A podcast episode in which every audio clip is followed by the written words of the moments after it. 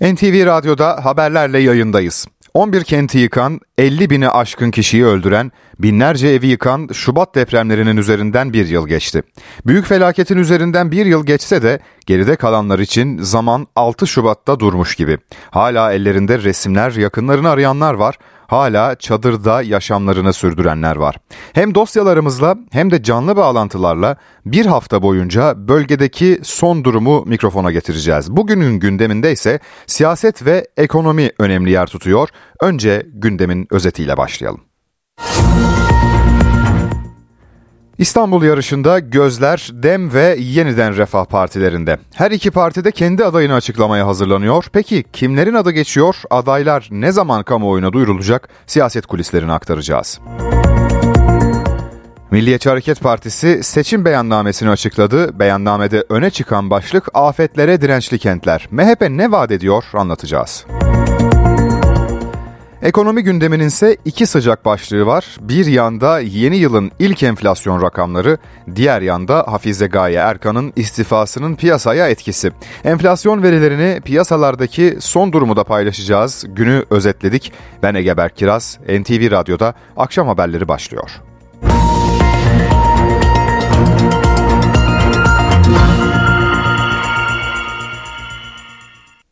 Dem Parti'nin İstanbul'da aday çıkarıp çıkarmayacağı merak konusuydu. Dem Parti kararını dün açıkladı. Kendi adayıyla seçime girecek. Yeniden Refah Partisi de AK Parti ile görüşmelerden uzlaşma çıkmayınca İstanbul ve Ankara gibi kentlerde aday çıkaracağını açıklamıştı. Yeni haftada iki partide de önemli toplantılar var. Ayrıntıları Özgür Akbaş'tan alacağız. Yerel seçimlere 55 gün kaldı ve bu haftanın oldukça kritik bir hafta olduğunu söyleyebiliriz hem Dem Partisi açısından e, Halkların Eşitlik ve Demokrasi Partisi yani Dem Partisi kısa adıyla hem de yeniden Refah Partisi açısından e, kritik bir e, süreç. Çünkü her iki partide e, Halkların Eşitlik ve Demokrasi Partisi 9 Şubat tarihinde e, yeniden Refah Partisi ise 10 Şubat tarihinde iki önemli toplantı yapacaklar ve bu toplantılardan İstanbul ve Ankara adaylarını ortaya koyması bekleniyor. Bu her iki partinin. Tabi sadece DEM ve Yeniden Refah Partisi'ni ilgilendiren bir durum değil. Özellikle DEM Partisi'nin aday çıkartması Cumhuriyet Halk Partisi'nin e, İstanbul'daki adayı Ekrem İmamoğlu'nu olumsuz yönde etkileyeceği yönde yorumlara e, yorumlar var. E, aynı şekilde e, Yeniden Refah Partisi'nin İstanbul'da aday çıkartmasının ise AK Parti adayı Murat Kurum'u olumsuz yönde etkileyeceği ifade ediliyor. Tabi burada DEM Partisi'nde aday kim olacak bu sorunun yanıtı aranıyor. 9 Şubat'a kadar hem İstanbul hem de diğer kentlerde aday gösterecek yerleri ve adayların isimlerini kamuoyuyla paylaşacak DEM Partisi. Selahattin Demirtaş'ın eşi Başak Demirtaş mı olacak bu isim? İstanbul adayı Başak Demirtaş mı olacak? Bu sorunun yanıtı aranıyor. Yoksa farklı bir isim mi olacak? İşte buna DEM Partisi karar vermeye çalışıyor. Yoğun bir e, çalışma süreci var ama sadece İstanbul açısından değil Batı illerinde e, Mersin'de, Adana'da, e, Antalya'da aday çıkartacaklar mı? Bunu da netleştirmeye çalışıyorlar. Yeniden Refah Partisi uzunca bir süredir AK Parti ile e, bir çalışma yürütüyordu. İki aylık bir süreç. Beş toplantı yapıldı.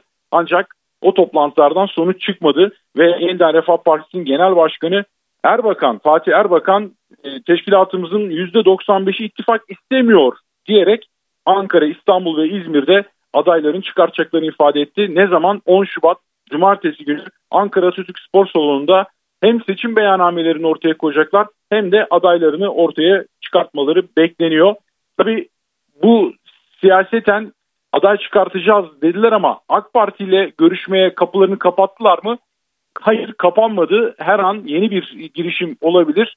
Ama AK Parti şimdiye kadar Ankara ve İstanbul'da belediye meclis üyelikleri teklif ediyor Yeniden Refah Partisi'ne. Sayıyı arttırdı ama bunu Yeniden Refah Partisi kabul etmiyor.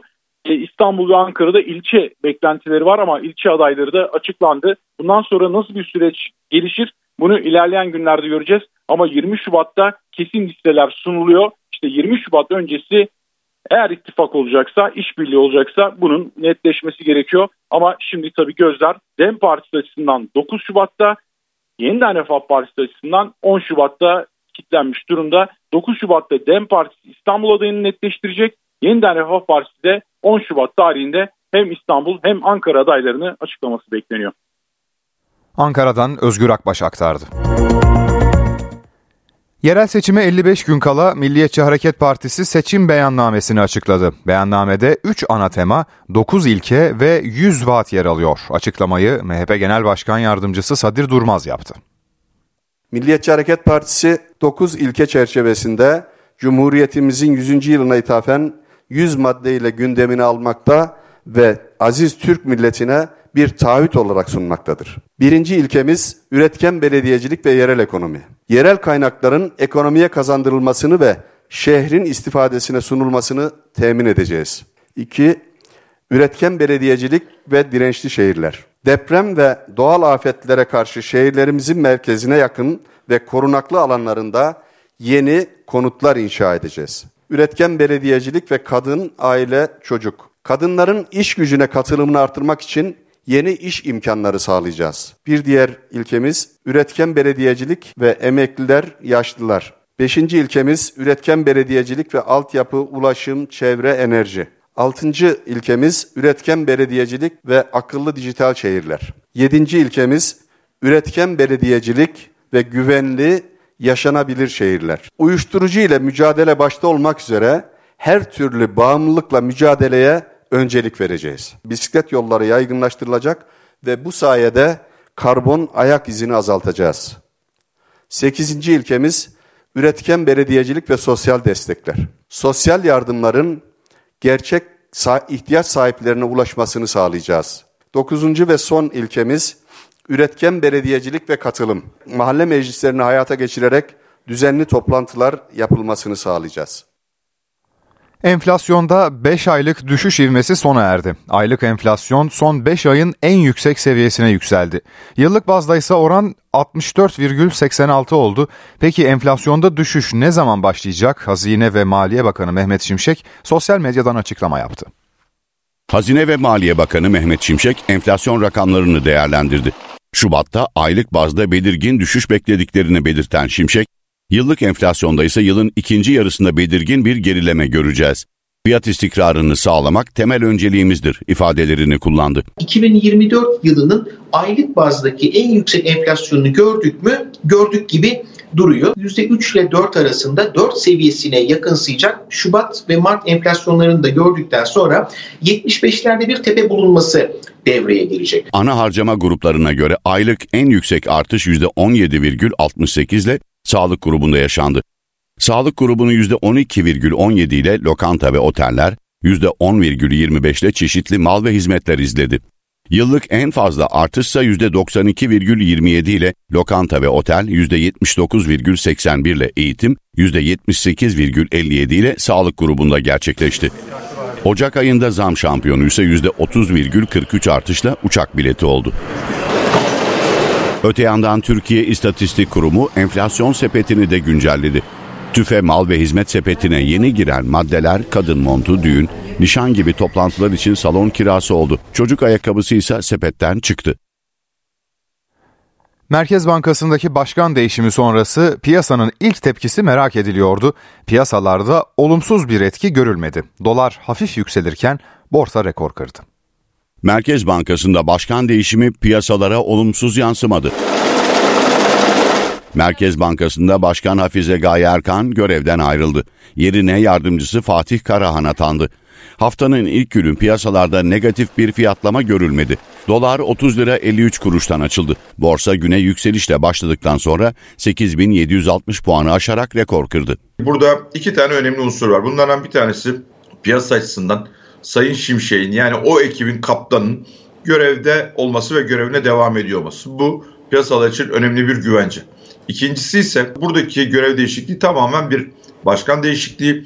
Mevcut politikanın sürdürüleceği konusunda kimsenin en ufak bir e, endişesi ya da tedirginliği yok. Yabancı bankalar görev değişikliğine ilişkin değerlendirme yayınladı.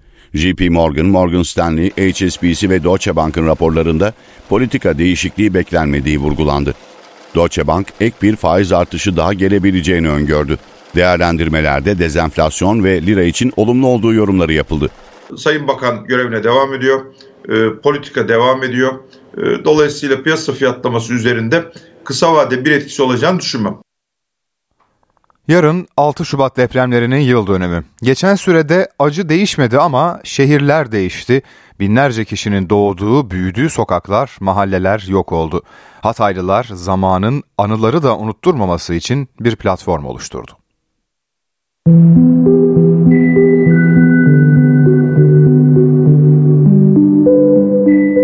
Belki siz burayı boş görüyorsunuz ama biz çok şey görüyoruz.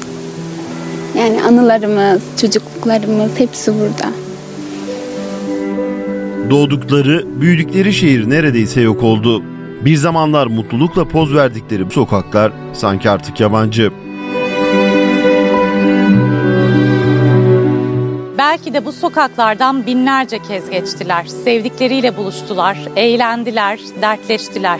6 Şubat depremi ise her şeyi tamamen değiştirdi. Ailelerini, sevdiklerini kaybettiler. Sokaklar tanınmaz hale geldi. Bir şehir neredeyse tamamen yok oldu. Ama anılar yok olmaz. Hataylılar şimdi anılarına tutunmak istiyor. Yolu Hatay'dan geçmiş, Hatay'la bağ kurmuş herkesi bir hafıza haritası oluşturmaya çağırıyor. Hafıza haritası bizim bölgemizdeki Hatay'daki şehrin hafızasını oluşturan yapıları insanların anılarıyla birleştirip e, insanların böyle anılarına girebileceği, e, belki anılarını yad edeceği bir interaktif web sitesi. Biz burada insanların hani girip oradaki eskiden bir yerde yaşadığında yaşadığı anıyı e, oraya girip e, yeniden belki başka insanlara paylaşmasını istedik. Ne hissediyorsunuz şimdi? Buradan binlerce kez geçmişsinizdir herhalde. On binlerce kez geçmişim. Çok yani duygulanıyorum yani çok çok kötü bir çok kötü çok kötü. Birbirimizle konuşuyoruz, ağlıyoruz. Yani şimdi böyle geçerken bile eski anılarımızı depreştiriyoruz. Dönecek misiniz peki yakın zamanda? Döneceğiz tabii burası bizim. Burayı asla bırakmayız. Hataylılar hem kültürlerine sahip çıkmak hem de memleketlerine dair duygularını canlı tutmak istiyor. Latin Katolik Kilisesi 1800 yıllarda yapımı e, tamamlanmış. Hemen sağ tarafımızda zaten Mithatpaşa İlkokulu var. İskenderun'u bilenler bilir. Bu iki kurum e, diyelim İskenderun en eski tarih yapılarından bir iki tanesi. Bu iki kurumda depremde çok büyük zarar gördü. Hafıza haritasında 15 Aralık'tan bu yana Hataylıların anıları birikiyor. Gaziantep'te görevli iki hemşire deprem felaketine nöbette yakalanmış, sarsıntıyla birlikte kuvözlere koşup bebeklerin zarar görmemesini sağlamışlardı. O hemşireler, o hemşirelerden biri olan Gazal Çalışkan depremin yıl dönümünde de nöbetçi. Bu benim sorumluluğumdu zaten yani hem e, mesleki açıdan hem insanlık görevi olarak yani o an kaçmak falan aklıma gelecek bir şey değildi. Ha gelebilirdi ama düşünmedik yani biz orada onu. Deprem felaketinde yeni doğan bebeklerin kahramanı oldular. Hemşire Devlet Nizam ve Gazal Çalışkan Gaziantep Büyükşehir Belediyesi İnayet Topçuoğlu Hastanesi'nde görevliydi. Depreme nöbette yakalandılar. İkisi de kaçmayı bir an bile düşünmedi. Yeni doğan yoğun bakım ünitesine koştu. Bebekleri yalnız bırakmayan hemşireler şiddetli sarsıntıda hiçbirinin zarar görmemesi için mücadele etti. Küvezleri tutarak depremin bitmesini beklediler. Ben çıkarım, kendimi her türlü kurtarırım. Çıkamasam dahi buradan seslenirim bir şey. Bir, bir şekilde yerimi bildiririm. Ama onların öyle bir şansı yok. E bu bizim zaten vicdanen sorumluluğumuzdu. Mesleki açıdan ziyade. Biz üstümüze düşen görevimizi yaptık. Kahraman hemşirelerden Gazal Çalışkan bu yıl depremin yıl dönümünde de nöbetçi.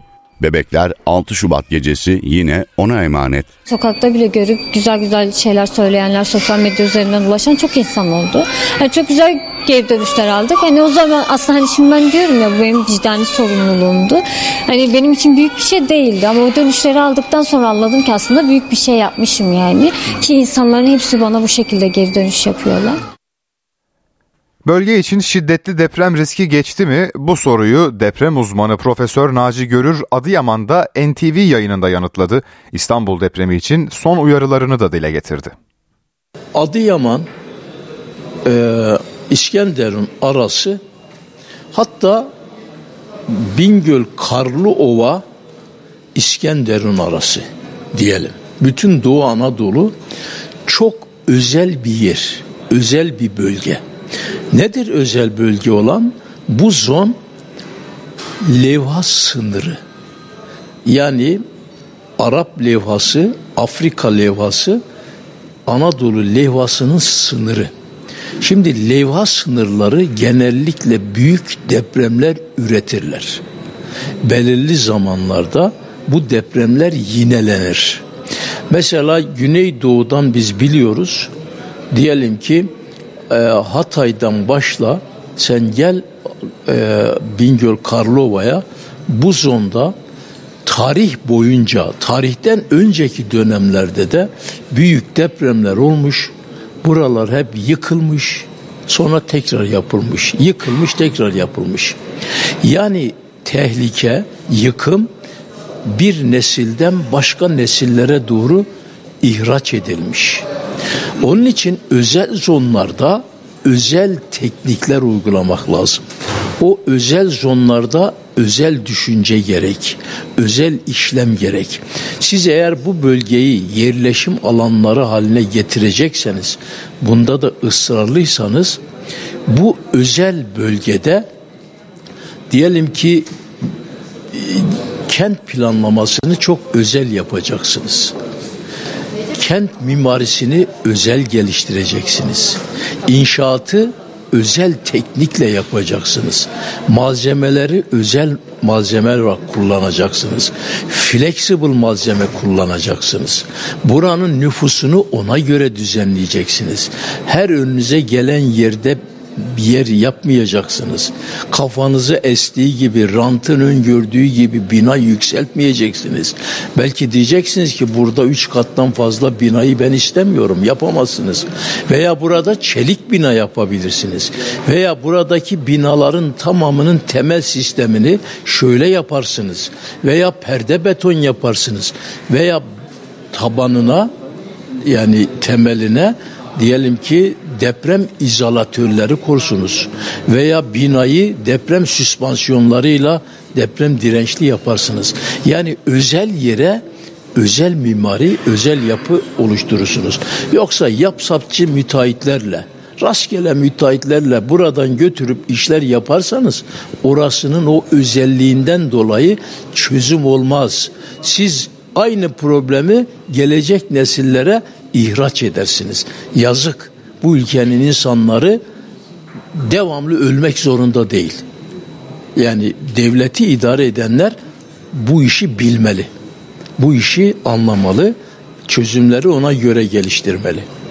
Şimdi e, bu e, ülkemizde en az 25 tane fay zonlarında kurulmuş, fay zonlarında oturan yani bir anlamda dinamit fıçılarının üzerinde oturan kentler var. 25 tane. Belki de bunlar artar. Onun için bu kentleri behemahal bir an önce deprem dirençli hale getirmek lazım. Belediye başkanı kenti yönetiyor. O kentinin depremin üzerinde, fayın üzerinde oturduğundan bir haber. Böyle yönetim şekli olamaz. Yani belediye başkanları bir kentte işe başladığı zaman önce o kentin tehdit eden o kenti tehdit eden tehlikenin yani depremin fayın nerede olduğunu enini, boyunu, derinliğini, tekerrür periyotunu, özelliğini, kapasitesini bir sefer bilecek. Tehlikeyi bilecek ki önlem alsın bilimi doğru kullanmak lazım. Bilimin gereğini yapmak lazım. İstanbul'da öyle kıvırmaya, ona buna laflar etmeye gerek yok. Deprem geliyor. Ama ne zaman geleceğini bilmiyoruz. Çok uzakta olduğunu da zannetmiyorum. Marmara bölgesinde deprem gelirse bizi çok kötü eder. Bu, bu belli artık bunu bilmeli ki kenti yönetecek olan talip olanlar da zaten onu diyor. Biz kenti depreme hazırlayacağız diyor. Bizi umutlandıran, en sevindiren bu. Millet olarak şimdi bu destekle, bu bakışla, bu gözetim ve denetimle İstanbul'u kurtarmaya yönelelim. NTV Radyo Gaziantep'te düşen polis helikopterinde şehit olan pilot Cemil Gülen ve Levent Öztürk için cenaze töreni düzenlendi. Şehitler Ankara'da son yolculuğa uğurlandı. Haklarınızı helal ediniz. Helal Tabutlarına al bayrak sarıldı. Sevenleri, silah arkadaşları ve siyasiler şehit pilotlara son görev için toplandı. Gaziantep Nurdağ'ında düşen polis helikopterinde şehit olan pilotlar Cemil Gülen ve Levent Öztürk Ankara'da sonsuzluğa uğurlandı. Şehitler için Ahmet Hamdi Akseki Camii'nde cenaze töreni düzenlendi. Tören mangası ve birlikte görev yaptıkları pilot arkadaşları saygı nöbeti tuttu tabutlarının başında. Öğle namazının ardından cenaze namazını Diyanet İşleri Başkanı Ali Erbaş kıldırdı. Kabul eylesin. Törene İçişleri Bakanı Ali Yerlikaya, Milli Savunma Bakanı Yaşar Güler, MHP lideri Devlet Bahçeli ile birlikte çok sayıda siyasi, şehitlerin silah arkadaşları katıldı.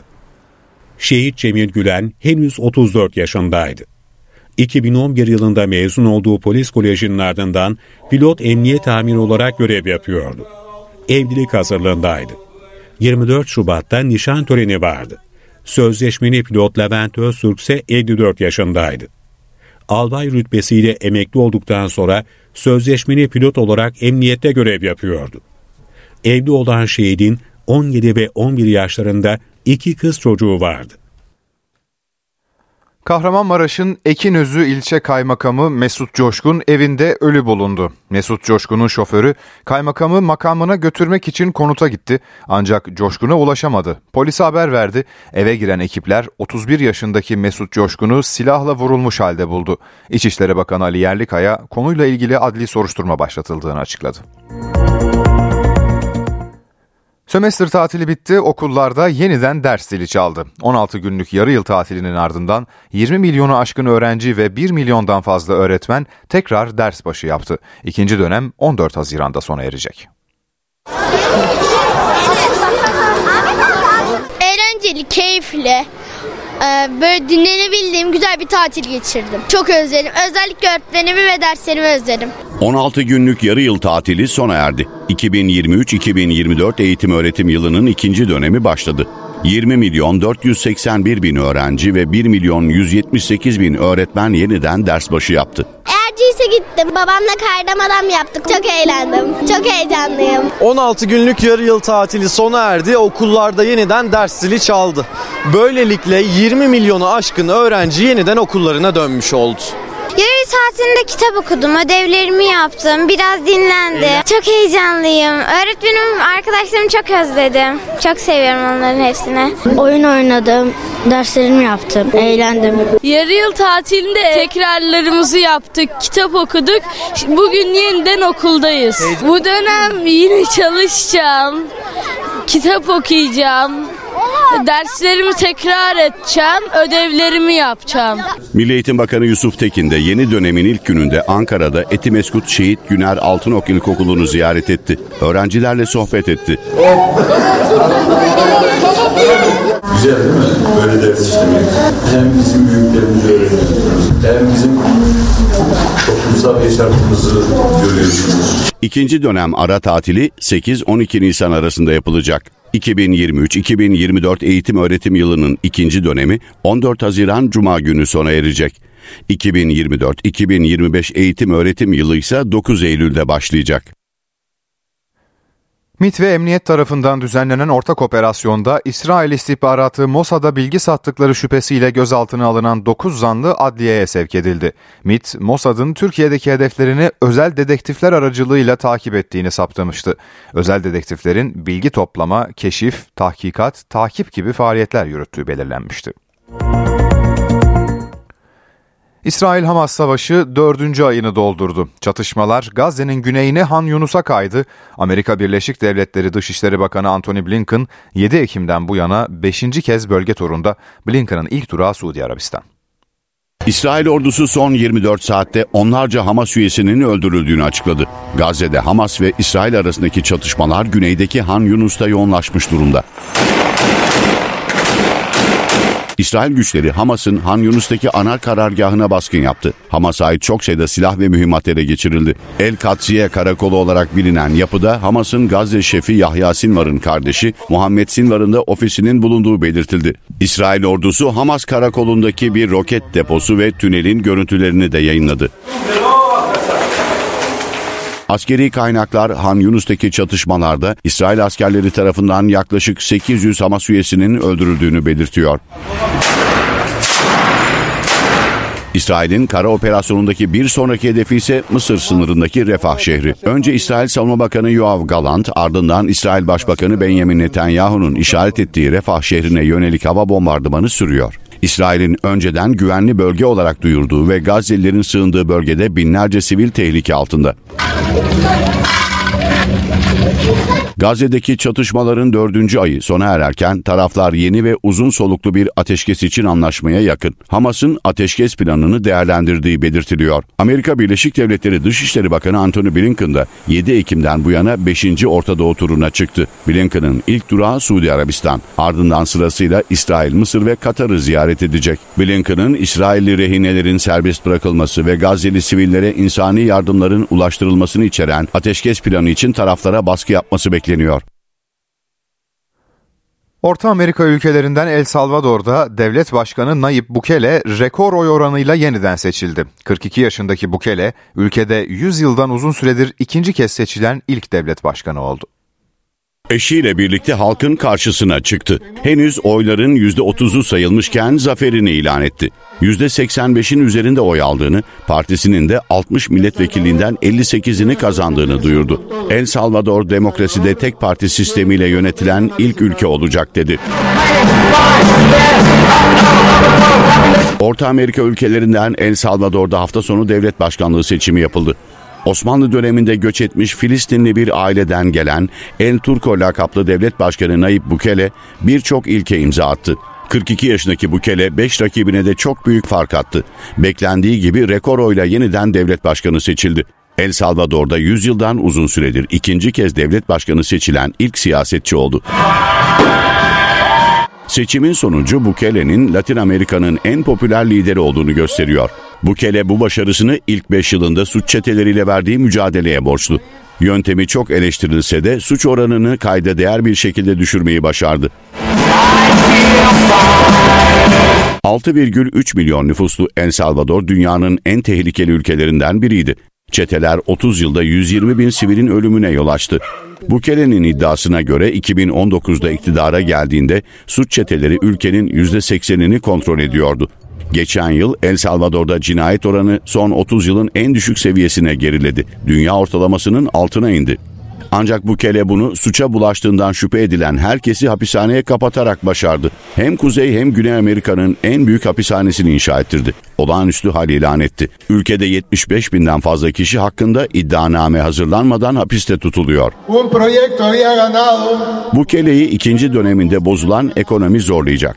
Kamudaki yüksek borçlanma ve halkın vergilerini bitcoin'e yatırması başarısız bir kumar olarak niteleniyor.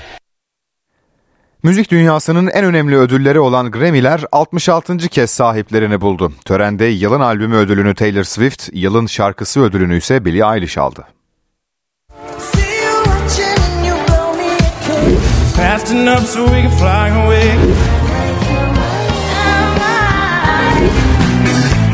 Grammy ödülleri Los Angeles'ta düzenlenen törenle 66. kez sahiplerini buldu. Viva Colombia, Carol G. Lainey Wilson.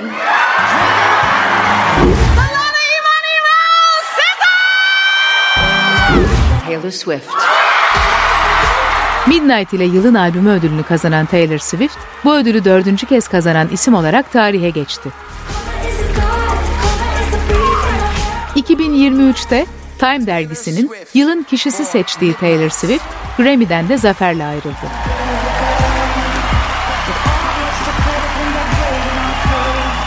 Gecenin sürprizini Celine Dion yaptı.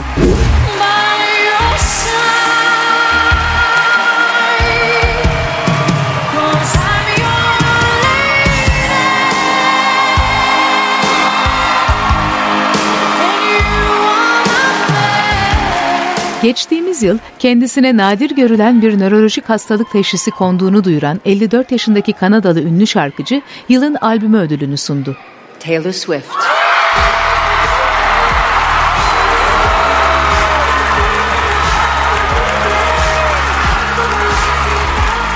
Barbie filminde de kullanılan Billie Eilish şarkısı What Was I Made For yılın şarkısı ödülünü aldı.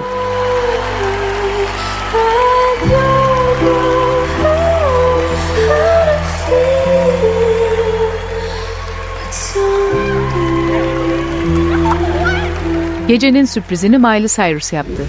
Flowers isimli çalışmasıyla yılın kaydı ve yılın solo performansı ödüllerini kazanan şarkıcı, güçlü adayları geride bırakarak ödül aldığı için çok şaşırdığını söyledi.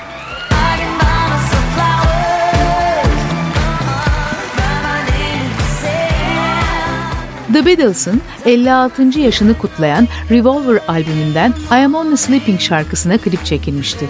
O çalışma gruba en iyi klip ödülünü kazandırdı.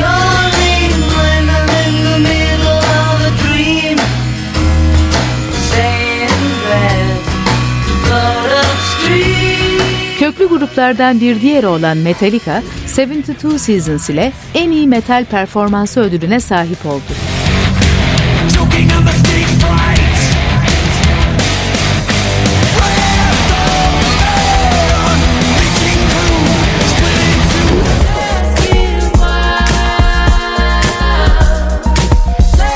Gecede en iyi yeni sanatçı ödülüne layık görülen Victoria Monet, Jaguar 2 ile en iyi R&B albümü ödülünü de aldı. Victoria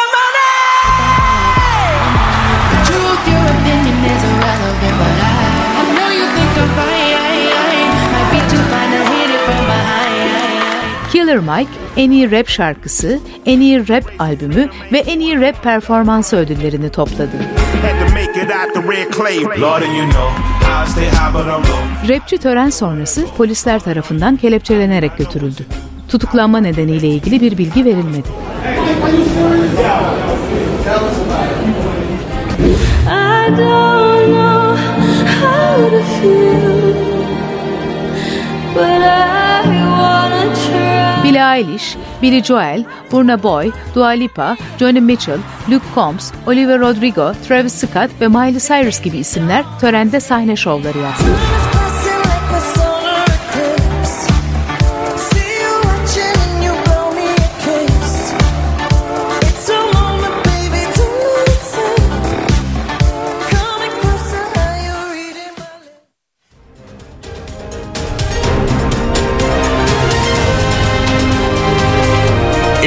NTV Radyo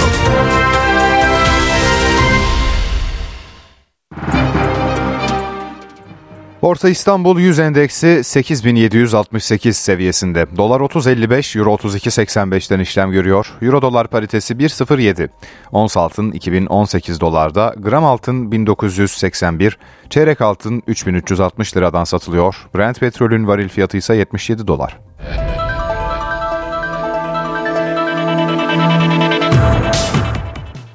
Çağlar Söyüncü zorlu transfer sürecine rağmen Fenerbahçe'ye hızlıca adapte olduğunu söyledi. Tecrübeli futbolcu hedefleri içinse önümüzde 4 kupa duruyor dedi. Transfer sürecindeki en büyük etkenlerden bir tanesi e, sezon sonu yaşayacağımız şampiyonluk. Çağlar Söyüncü Fenerbahçe'de büyük özlemin giderileceği günü bekliyor. Milli stoper Atletico Madrid'den kiralandıktan sonra sarı lacivertli formayı ilk kez giydi. Deneyimli futbolcu transfer sürecini ve hedeflerini kulüp televizyonunda anlattı. Yorucu bir e, serüven geçirdim diyebilirim. Özellikle iki buçuk üç haftaya yakın. Yani sadece mental olarak değil beden olarak da. Zorlu bir süreçti ama ben her şeyin sonuna bakıyorum. Maçtaki performansım e, burada yani bağlayabilirim. Transferini vermiş mutluluk, huzurdan dolayı da kendimi daha rahat hissedebiliyorum. Daha rahat e, daha rahat hareket edebiliyorum. Dört tane kupa önümüzde duruyor. Hepsine de alabileceğimize inanıyorum.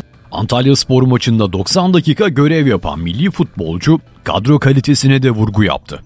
Altını çizerek söyleyebilirim. Avrupa'da burada kariyerleri ortada olan futbolcular, futbolcu arkadaşlarım. Şans tabii bizim için özellikle daha tecrübeli futbolcular oynamak, kariyerli futbolcular oynamak. Bu e, rekabet bizim mutlu sona ulaşacağımıza hiç şüphemiz olmasın. Çağlar Söyüncü Kadıköy'de ilk kez Fenerbahçe taraftarının önüne çıkacağı gün içinde heyecanlı.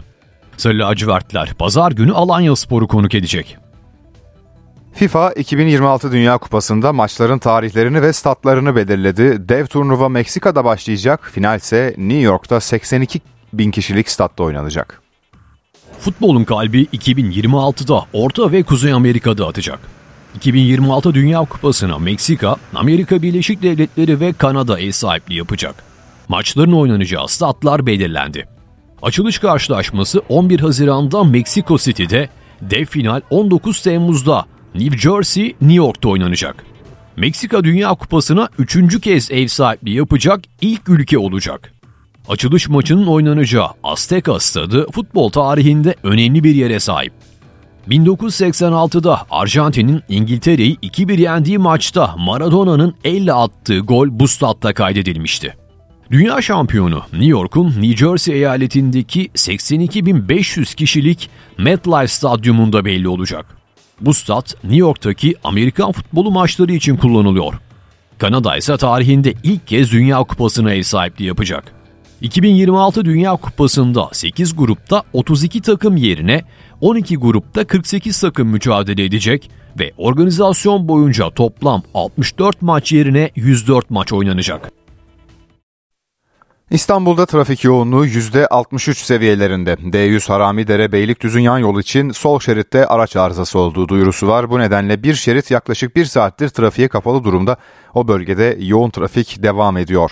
Anadolu yakası için Temçamlıca gişeler ve Ataşehir bölgesi arasında iki istikametli sıkışıklık bu dakikalarda halen devam ediyor. 15 Temmuz Şehitler Köprüsü ve Fatih Sultan Mehmet Köprüsü için Avrupa'dan geçişlerdeki yoğunluk giderek artıyor. Yolda olanlara güvenli yolculuklar. NTV Radyo'da haberlerle yayındayız. Yerel seçime 55 gün kala Milliyetçi Hareket Partisi seçim beyannamesini açıkladı. Beyannamede 3 ana tema, 9 ilke ve 100 vaat yer alıyor. Öne çıkan başlıksa afetlere dirençli şehirler. Açıklamayı MHP Genel Başkan Yardımcısı Sadir Durmaz yaptı. Beyannamemizin 3 ana temasından birincisi yeni tehditler ve Türkiye'nin bekası konusudur. İkinci ana temamız üretken belediyecilik vizyonumuzdur.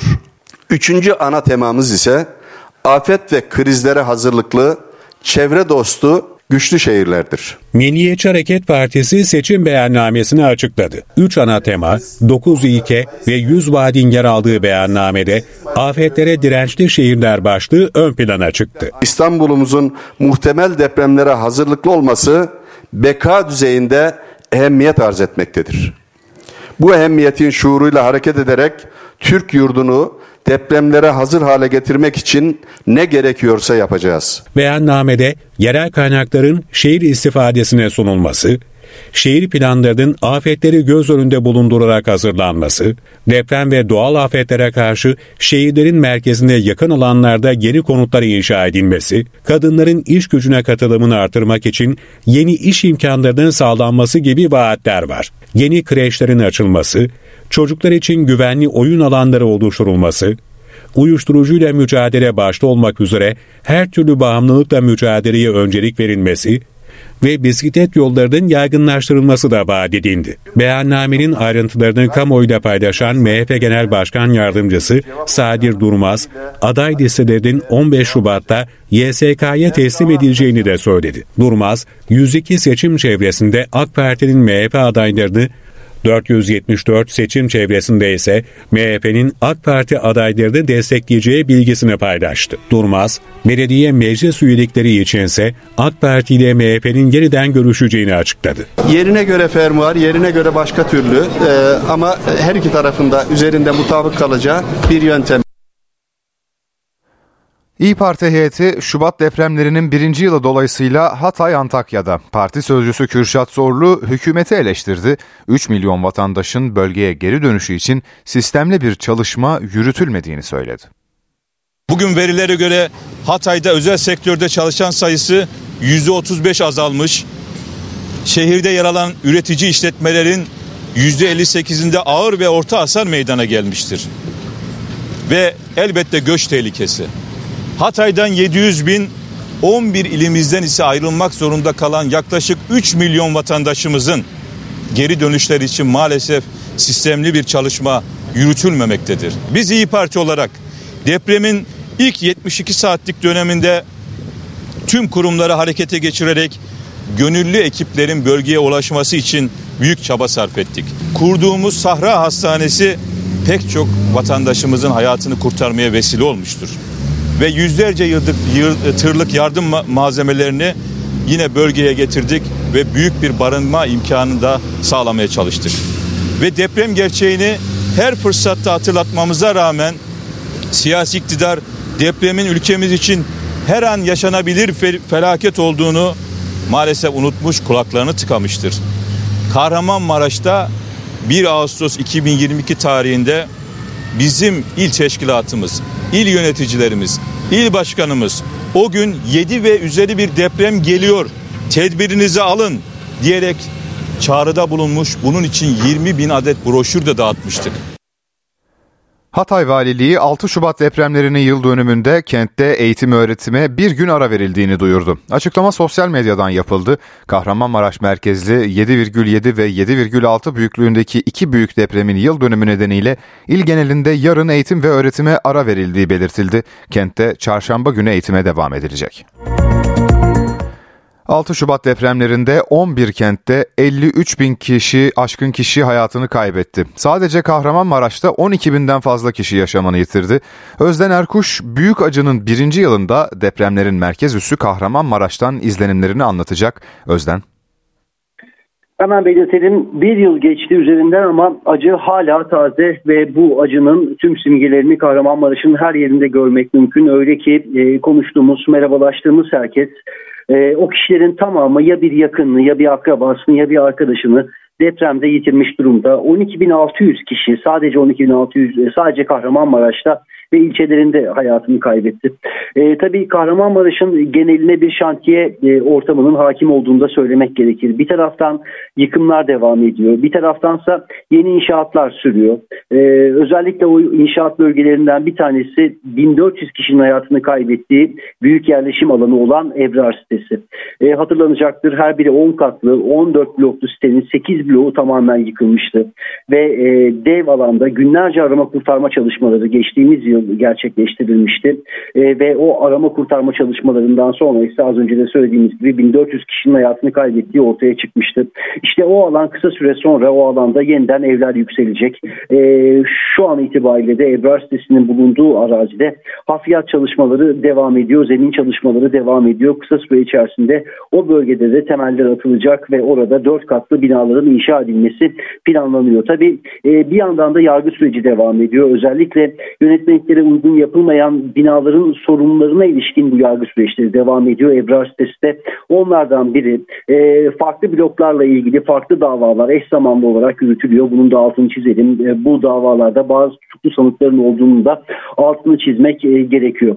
E, tabii yıkılan ve yıkılacak binaların enkazının e, Kahramanmaraş'ta %85'inin kaldırıldığını belirtelim ama hala ayakta durmakta güçlük çeken e, binalar var kent genelinde. E, bunun sebebi ise yine adli süreç. E, çünkü e, ağır hasar e, raporu alan, sonrasında da bina sahiplerinin itirazı sonucunda değerlendirmesi devam eden çok sayıda bina var. O binaların yıkılması için ya da o binalarla ilgili karar verilmesi için de yargı süreçlerinin tamamlanması gerekiyor. Bunu da belirtmek gerekir. Tabii bir yandan da Kahramanmaraş'ta kurulan konteyner kentlerde mevsim şartları da göz önüne alındığında zorlu yaşamda devam ediyor. Elbette depremin ilk günlerinde ile karşılaştırıldığında çok daha düzenli yardım faaliyetinin devam ettiğini söylemek gerekir.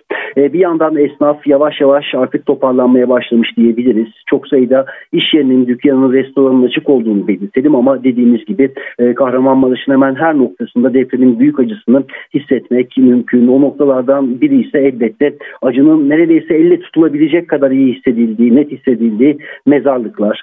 E, çok sayıda mezar yeri, ziyaretler devam ediyor. O mezarların üzerine bırakılmış çok sayıda hatıra eşyası var. Yani e, Kahramanmaraşlılar yitirdiklerine veda etmekle de güçlük çekiyorlar depremin e, birinci yılında.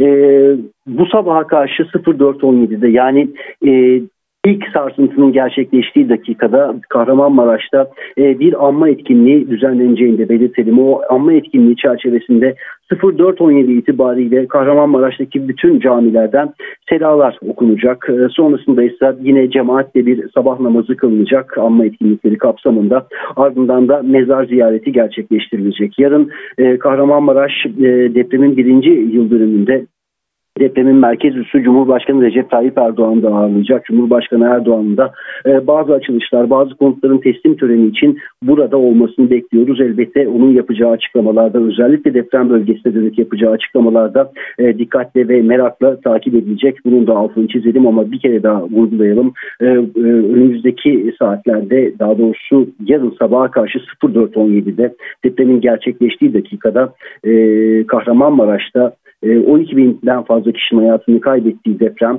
e, sarsıntının gerçekleştiği dakikada bir kez daha alınacak. Ama söylediğimiz gibi Kahramanmaraş genelinde e, depremin acısı hala taze.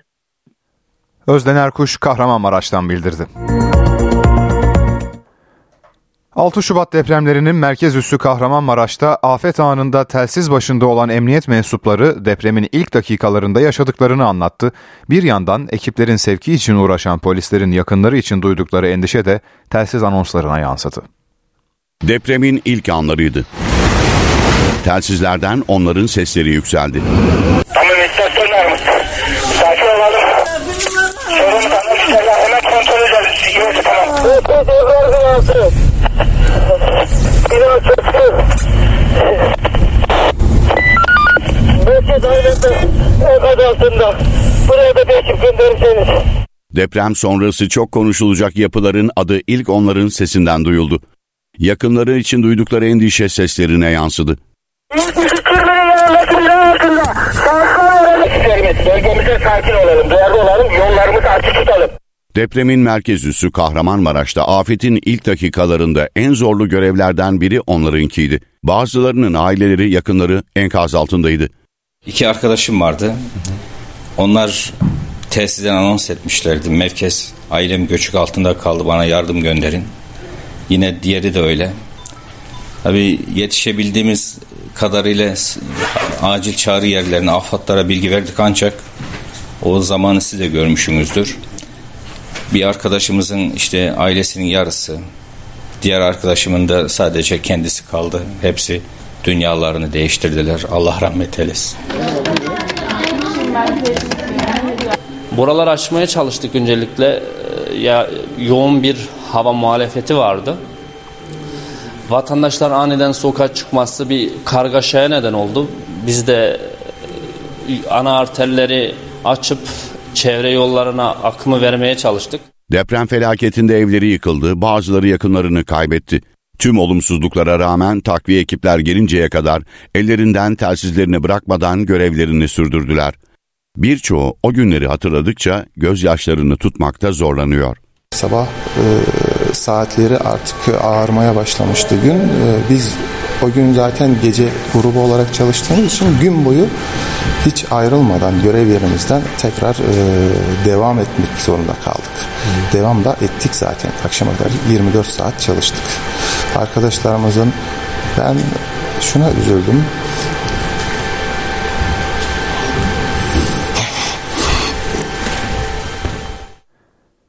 Deprem bölgesinde 6 Şubat'tan bu yana 58 bin artçı sarsıntı oldu. Tüm sarsıntılar AFAD'ın deprem izleme ve değerlendirme merkezinden takip edildi, incelendi. NTV muhabiri Mustafa Berber merkezdeki çalışmaları takip etti. Her şey bir alarmla başlıyor. Merkezde bulunanlar adeta teyakkuza geçiyor. AFAD'ın deprem izleme ve değerlendirme merkezi tam bir yıl önce 6 Şubat 2023 tarihinde tüm Türkiye'ye kırmızı alarm buradan verildi. 11 il depremden doğrudan etkilendi ama tüm Türkiye derinden sarsıldı. İşte bu merkezde o günden bugüne kadar her zaman olduğu gibi 7 gün 24 saat esasına göre nöbet devam ediyor. Bir deprem algılandığında e, o istasyonlar alarm vermeye başlarlar. Otomatik çözümleme programı da o e, depremin otomatik olarak çözümlenmesini sağlar birkaç saniye içinde. Bize bir ön bilgi verir. Elde edilen ön bilginin ardından merkezde görevli yer bilimi uzmanları istasyondan gelen deprem dalgalarıyla hem merkez üssünü hem de depremin şiddetini kesin olarak elde ediyor. 5 ila 7 dakika süren çalışmanın ardındansa deprem kamuoyuna duyuruluyor. 6 Şubat'ta 9 saat arayla yaşanan iki büyük depremde de aynı yöntem izlendi. Asrın felaketinin yaşandığı deprem bölgesinde 6 Şubat 2023 tarihinden bugüne kadar yaklaşık 58 bin artçı sarsıntı da yine bu merkezden tespit edildi. Bu merkezde aslında normalde yıllık ortalama 25 bin deprem çözerken e, biz e, Kahramanmaraş depreminden beri toplam olarak yıllık 75 bin deprem çözdük. Deprem İzleme ve Değerlendirme Grubu Başkanı Meltem Türkoğlu, böylesi büyük iki depremin ardından artçı sarsıntıların uzun süre devam edebileceğini vurguladı. NTV Radyo Enflasyonda 5 aylık düşüş ivmesi sona erdi. Aylık enflasyon son 5 ayın en yüksek seviyesine yükseldi. Yıllık bazda ise oran %64,86 oldu. Peki enflasyonda düşüş ne zaman başlayacak? Hazine ve Maliye Bakanı Mehmet Şimşek sosyal medyadan açıklama yaptı. Hazine ve Maliye Bakanı Mehmet Şimşek enflasyon rakamlarını değerlendirdi. Şubat'ta aylık bazda belirgin düşüş beklediklerini belirten Şimşek, yıllık enflasyonda ise yılın ikinci yarısında belirgin bir gerileme göreceğiz. Fiyat istikrarını sağlamak temel önceliğimizdir ifadelerini kullandı. 2024 yılının aylık bazdaki en yüksek enflasyonunu gördük mü? Gördük gibi duruyor. %3 ile 4 arasında 4 seviyesine yakınsayacak Şubat ve Mart enflasyonlarını da gördükten sonra 75'lerde bir tepe bulunması devreye girecek. Ana harcama gruplarına göre aylık en yüksek artış %17,68 ile sağlık grubunda yaşandı. Sağlık grubunu %12,17 ile lokanta ve oteller, %10,25 ile çeşitli mal ve hizmetler izledi. Yıllık en fazla artışsa %92,27 ile lokanta ve otel, %79,81 ile eğitim, %78,57 ile sağlık grubunda gerçekleşti. Ocak ayında zam şampiyonu ise %30,43 artışla uçak bileti oldu. Öte yandan Türkiye İstatistik Kurumu enflasyon sepetini de güncelledi. TÜFE mal ve hizmet sepetine yeni giren maddeler kadın montu, düğün, nişan gibi toplantılar için salon kirası oldu. Çocuk ayakkabısı ise sepetten çıktı. Enflasyon rakamının açıklanmasıyla iş yeri kiralarına gelecek zam da belli oldu. Türkiye İstatistik Kurumu rakamlarına göre Ocak'ta 12 aylık enflasyon %54,72 olarak gerçekleşti. Bu rakam Şubat ayı iş yeri kira sözleşmeleri için üst zam sınırı olacak. Konut kiralarında %25 zam sınırı düzenlemesi ise sürüyor. Dolayısıyla bu zam oranı konut kiraları için geçerli değil. Gaziantep'te düşen polis helikopterinde şehit olan pilot Cemil Gülen ve Levent Öztürk için cenaze töreni düzenlendi. Şehitler Ankara'da son yolculuğa uğurlandı. Haklarınızı helal ediniz. Helal olsun. Tabutlarına al bayrak sarıldı. Sevenleri, silah arkadaşları ve siyasiler şehit pilotlara son görev için toplandı. Gaziantep Nurdağ'ında düşen polis helikopterinde şehit olan pilotlar Cemil Gülen ve Levent Öztürk Ankara'da sonsuzluğa uğurlandı. Şehitler için Ahmet Hamdi Akseki Camii'nde cenaze töreni düzenlendi. Tören mangası ve birlikte görev yaptıkları pilot arkadaşları saygı nöbeti tuttu tabutlarının başında. Öğle namazının ardından cenaze namazını Diyanet İşleri Başkanı Ali Erbaş kıldırdı. Kabul eylesin. Törene İçişleri Bakanı Ali Yerlikaya, Milli Savunma Bakanı Yaşar Güder, MHP lideri Devlet Bahçeli ile birlikte çok sayıda siyasi, şehitlerin silah arkadaşları katıldı. Şehit Cemil Gülen henüz 34 yaşındaydı. 2011 yılında mezun olduğu polis kolejinin ardından pilot emniyet amiri olarak görev yapıyordu. Evlilik hazırlığındaydı. 24 Şubat'ta nişan töreni vardı. Sözleşmeli pilot Levent Öztürk ise 54 yaşındaydı. Albay rütbesiyle emekli olduktan sonra sözleşmeli pilot olarak emniyette görev yapıyordu. Evli olan şehidin 17 ve 11 yaşlarında iki kız çocuğu vardı. İstanbul'dan nişanlısıyla birlikte bir restorana giden müzisyen Umut Emre Aytekin'le iki kişi arasında tartışma çıktı. Başına aldığı darbelerle ağır yaralı olarak hastaneye kaldırılan Aytekin hayatını kaybetti. İki zanlı kasten öldürme suçundan tutuklandı. İsrail-Hamas savaşı dördüncü ayını doldurdu. Çatışmalar Gazze'nin güneyine Han Yunus'a kaydı. Amerika Birleşik Devletleri Dışişleri Bakanı Antony Blinken 7 Ekim'den bu yana 5. kez bölge turunda.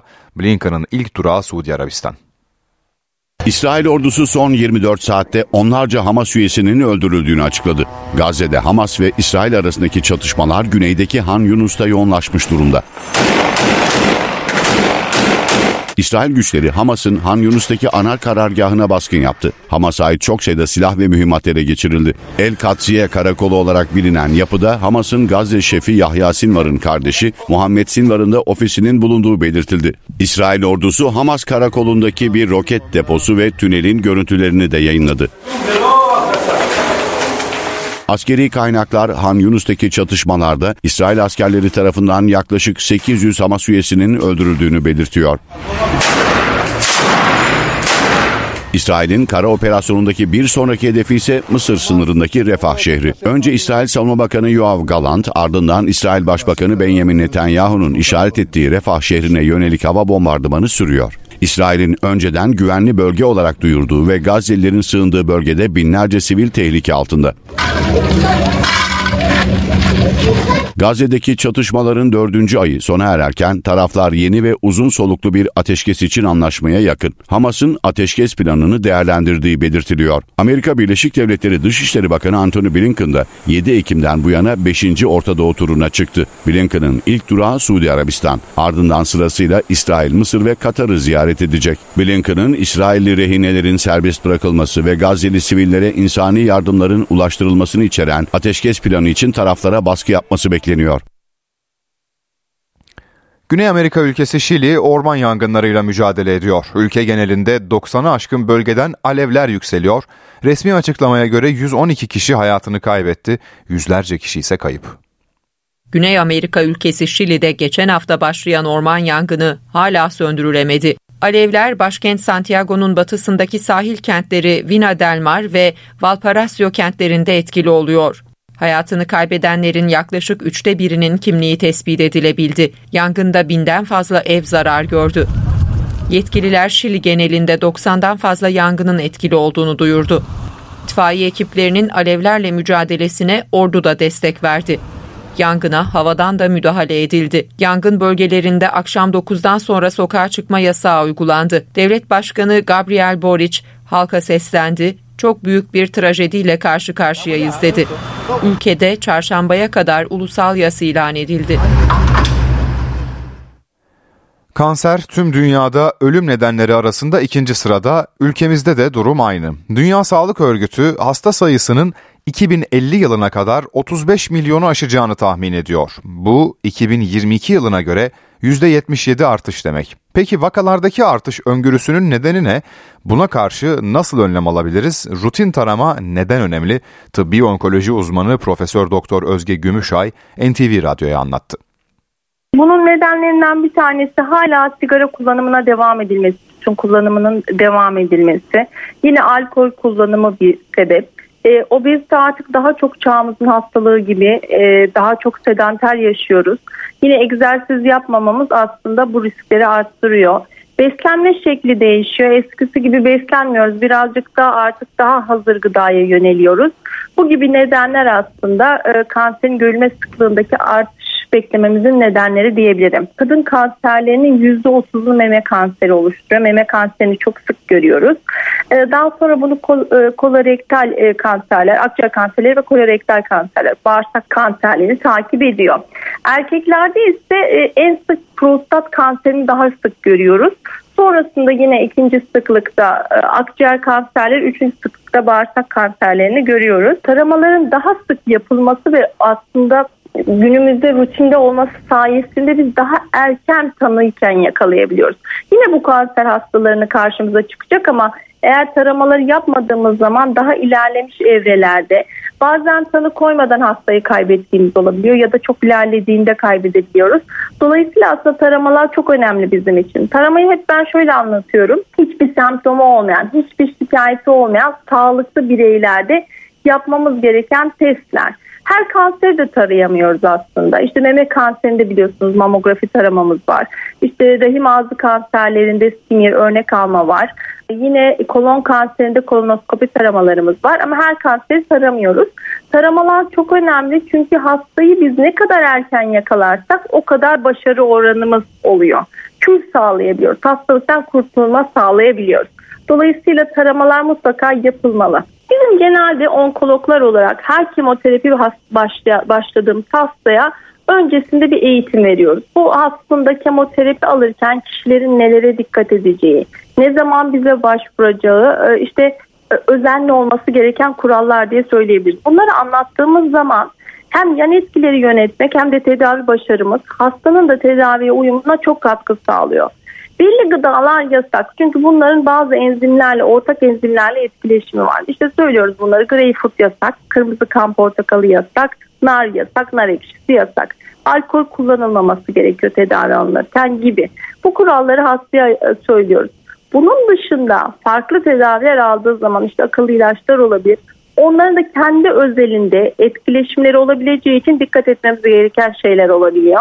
Her şeyi yiyebilir demiyoruz. Belli şeyler özellikle dikkat etmek lazım. Mesela çok asitli gıdalar ağız yaralarını arttırabiliyor. İşte bir kola içmesi gibi örnek veriyorum. Hı hı. Ya da işte e, turşu böyle birazcık baharatlı kokulu bu sefer bulantılarını arttırabiliyor. Bunları öneri şeklinde sunuyoruz. Hasta durumuna göre e, bunlara bakıyor ama belli gıdaların kullanılmasını yasaklıyoruz. Tıbbi onkoloji uzmanı Profesör Doktor Özge Gümüşay NTV Radyo'daydı. Çiçek sektöründe Sevgililer Günü hareketliliği başladı. Sektör temsilcileri 5 milyon adet gül satışı bekliyor. Çiçekçiler Sevgililer Günü mesaisine başladı. 14 Şubat Sevgililer Günü yaklaştıkça çiçekçilerde hareketlilik artıyor. En fazla talep görmesi beklenen çiçekse her yıl olduğu gibi yine gül. Sektör temsilcileri bu yıl 5 milyon dallık gül satışı bekliyor. Artan taleple birlikte fiyatlar da yükseldi. Ocak'ta serada adedi 10 lira olan gülün fiyatı 14 Şubat etkisiyle 20 liraya yükseldi. Çiçekçilerde ise gül yaklaşık 5 kat daha pahalıya satılıyor. 70 santimlik bir e, 20'li bir demetin seradan çıkış fiyatı 300-350 lira 400 lira civarlarında. Yani şu anda 30 liraya biz firma olarak satıyoruz. Çiçekçi arkadaşlar 50-75 bandında satıyorlar. Sevgililer günü fiyatlarımız da 50 lira bandında olacak. 75-100 lira bandında da diğer çiçekçi arkadaşların satacağını düşünüyoruz. Sektör temsilcilerine göre fiyatlardaki artışın birçok nedeni var. Bunların başında ise iklim koşulları ve üretimin talebi karşılamaması geliyor. İç pazarda talebin çoğu ithal güllerle karşılanıyor. Kışın soğuk e, son yaşadığımız soğuklardan ötürü birincisi. ikincisi de üretimin yetmemesinden ötürü maliyetler tabii ciddi arttı. Talebi karşılamamasından dolayı fiyat kendiliğinden yükseliyor. İşte diğer günlerde de tüketim olmadığından dolayı fiyat düşüyor. Çiçek fiyatlarının 14 Şubat sonrası yeniden düşüşe geçmesi bekleniyor. İzmir'de İnciraltı kıyılarındaki yüzlerce kuş türüne ev sahipliği yapan Çakalburnu Lagünü deniz marullarıyla kaplandı. Uzmanlar bölgedeki kirliliğe dikkat çekiyor. Deniz marulları lagünü kapladı. İzmir'de yüzlerce kuş türüne ev sahipliği yapan Çakalburnu Lagünü kirlilik alarmı veriyor. Şu anda sanki lagün biçim sahaya benziyor yani tamamen muhteşem ötesi bir e, deniz moruyla kaplı. E, bunun anlamı şu, bunun anlamı e, körfez çok doygun. Yani inanılmaz doygun kirliliğe ve en küçük güneş çıktığı anda bir anda deniz marulları patlıyor. İzmir Körfezi'ni saran deniz marulları genellikle sıcaklık artışına bağlı yaz aylarında görülüyordu. Bu kez Şubat ayında İnciraltı mevkiindeki Çakalburnu Lagünü'nde ortaya çıktılar. Uzmanlar deniz marullarının son iki yılda artış gösterdiğine dikkat çekiyor. Maalesef 12 ayın 12'sinde görüyoruz ki e, bu son derece tehlikeli bir durum. Kuş cenneti ekosistemi için çok çok önemli yerler. Yani buraların artık bir an önce e, bilimsel olarak bir çalışılıp ya da bir çalıştay düzenlenip e, biz buraları kurtarmalıyız. Çünkü ekosistemi kurtarmamız gerekiyor. Yaşamı kurtarmamız gerekiyor. Çakalburnu Lagünü flamingoların dahil olduğu 280 kuş türünü barındırıyor. Uzmanlar lagünün kaybedilmesiyle kuş cennetinin de yok olacağı uyarısında bulunuyor. Müzik dünyasının en önemli ödülü Grammy'ler sahiplerini buldu. Yılın albümü ödülünü Taylor Swift, yılın şarkısı ödülünü Billie Eilish aldı. Bültenimizi Billie Eilish'in ödüle layık görülen What Was I Made For adlı şarkısıyla bitiriyoruz.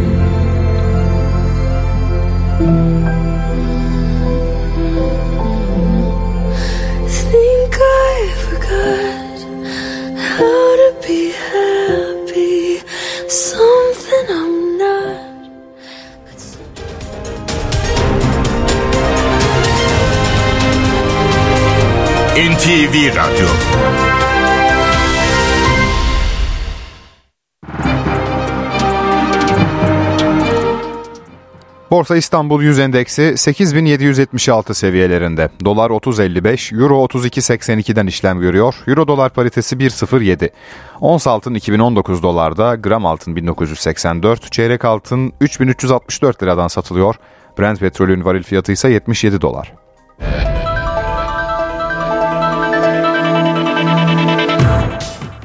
Hong Kong'da 40 bin kişi Lionel Messi'yi izlemek için toplandı ancak futbol severler Arjantinli yıldızı izleyemeden stat'tan ayrıldı. Lionel Messi hayranlarını hayal kırıklığına uğrattı. Arjantin yıldızın formasını giydiği Inter Miami, Hong Kong'da futbol severlerin önüne çıktı. Lionel Messi ise sakatlığı nedeniyle bu maçı yedek kulübesinde tamamladı. Inter Miami ile Hong Kong karmasının karşılaşmasını izlemek için 40 bin kişi tribündeydi. Messi izlemeyenler stat'tan üzgün ayrıldı. Messi ve Suarez'i buraya kadar getirip onlara bir dakika bile süre vermemelerini anlamıyorum. Bizim için çok büyük bir hayal kırıklığı. Yazıklar olsun. İnsanlara paralarını iade etmeliler. Güzel bir maç oldu. Ancak ben buraya çocuklarıma Messi'yi izletmek için geldim. Hayal kırıklığına uğradılar. Inter Miami Teknik Direktörü Tata Martino, Messi'nin forma giymek istediğini ancak sakatlığı sebebiyle futbolcularını riske etmediklerini açıkladı. Arjantinli yıldız futbolcu takımının geçen haftaki El Hilal maçında 88 dakika forma giyse de El Nasır karşılaşmasının son bölümünde oyuna dahil olmuştu. Yaşıtları ortaokula giden 13 yaşındaki Huang Jianji su sporlarında dünyanın zirvesine çıktı. 10 metre senkronize kule atlayışında altın madalya kazanan Çinli sporcu en genç dünya şampiyonu oldu. 13 yaşındaki Huang Jianji spor tarihine geçti. Dünya Su Sporları Şampiyonası'ndaki kusursuz performansıyla altın madalya kazanan Çinli sporcu en genç dünya şampiyonu oldu. Karışık çiftler 10 metre senkronize kule atlayışında rakiplerini geride bırakan Huang, kendisinden 6 yaş büyük takım arkadaşı Zhang Jiaki ile madalyasını ısırarak poz verdi. Genç yıldızın atlayışı Uluslararası Olimpiyat Komitesi Başkanı Thomas Bach'ı da kendisine hayran bıraktı. Ödülünü Bach'tan alan 13 yaşındaki Huang, şampiyonanın düzenlendiği Doha'da spot ışıklarını üzerine çekti. Yaşıtları ortaokula giden dünya şampiyonu su sporlarında bir dönem gündeme gelen tartışmayı da hatırlattı. Barcelona 1992 olimpiyat oyunlarında zirveye çıkan 13 yaşındaki Ming Chiafu'nun zaferinin ardından 10 metre kule atlayışı çocuklar için tehlikeli olabileceği düşüncesiyle 14 yaş altı sporculara yasaklanmıştı. NTV Radyo'da Haber ve Hayat var. Hayat var.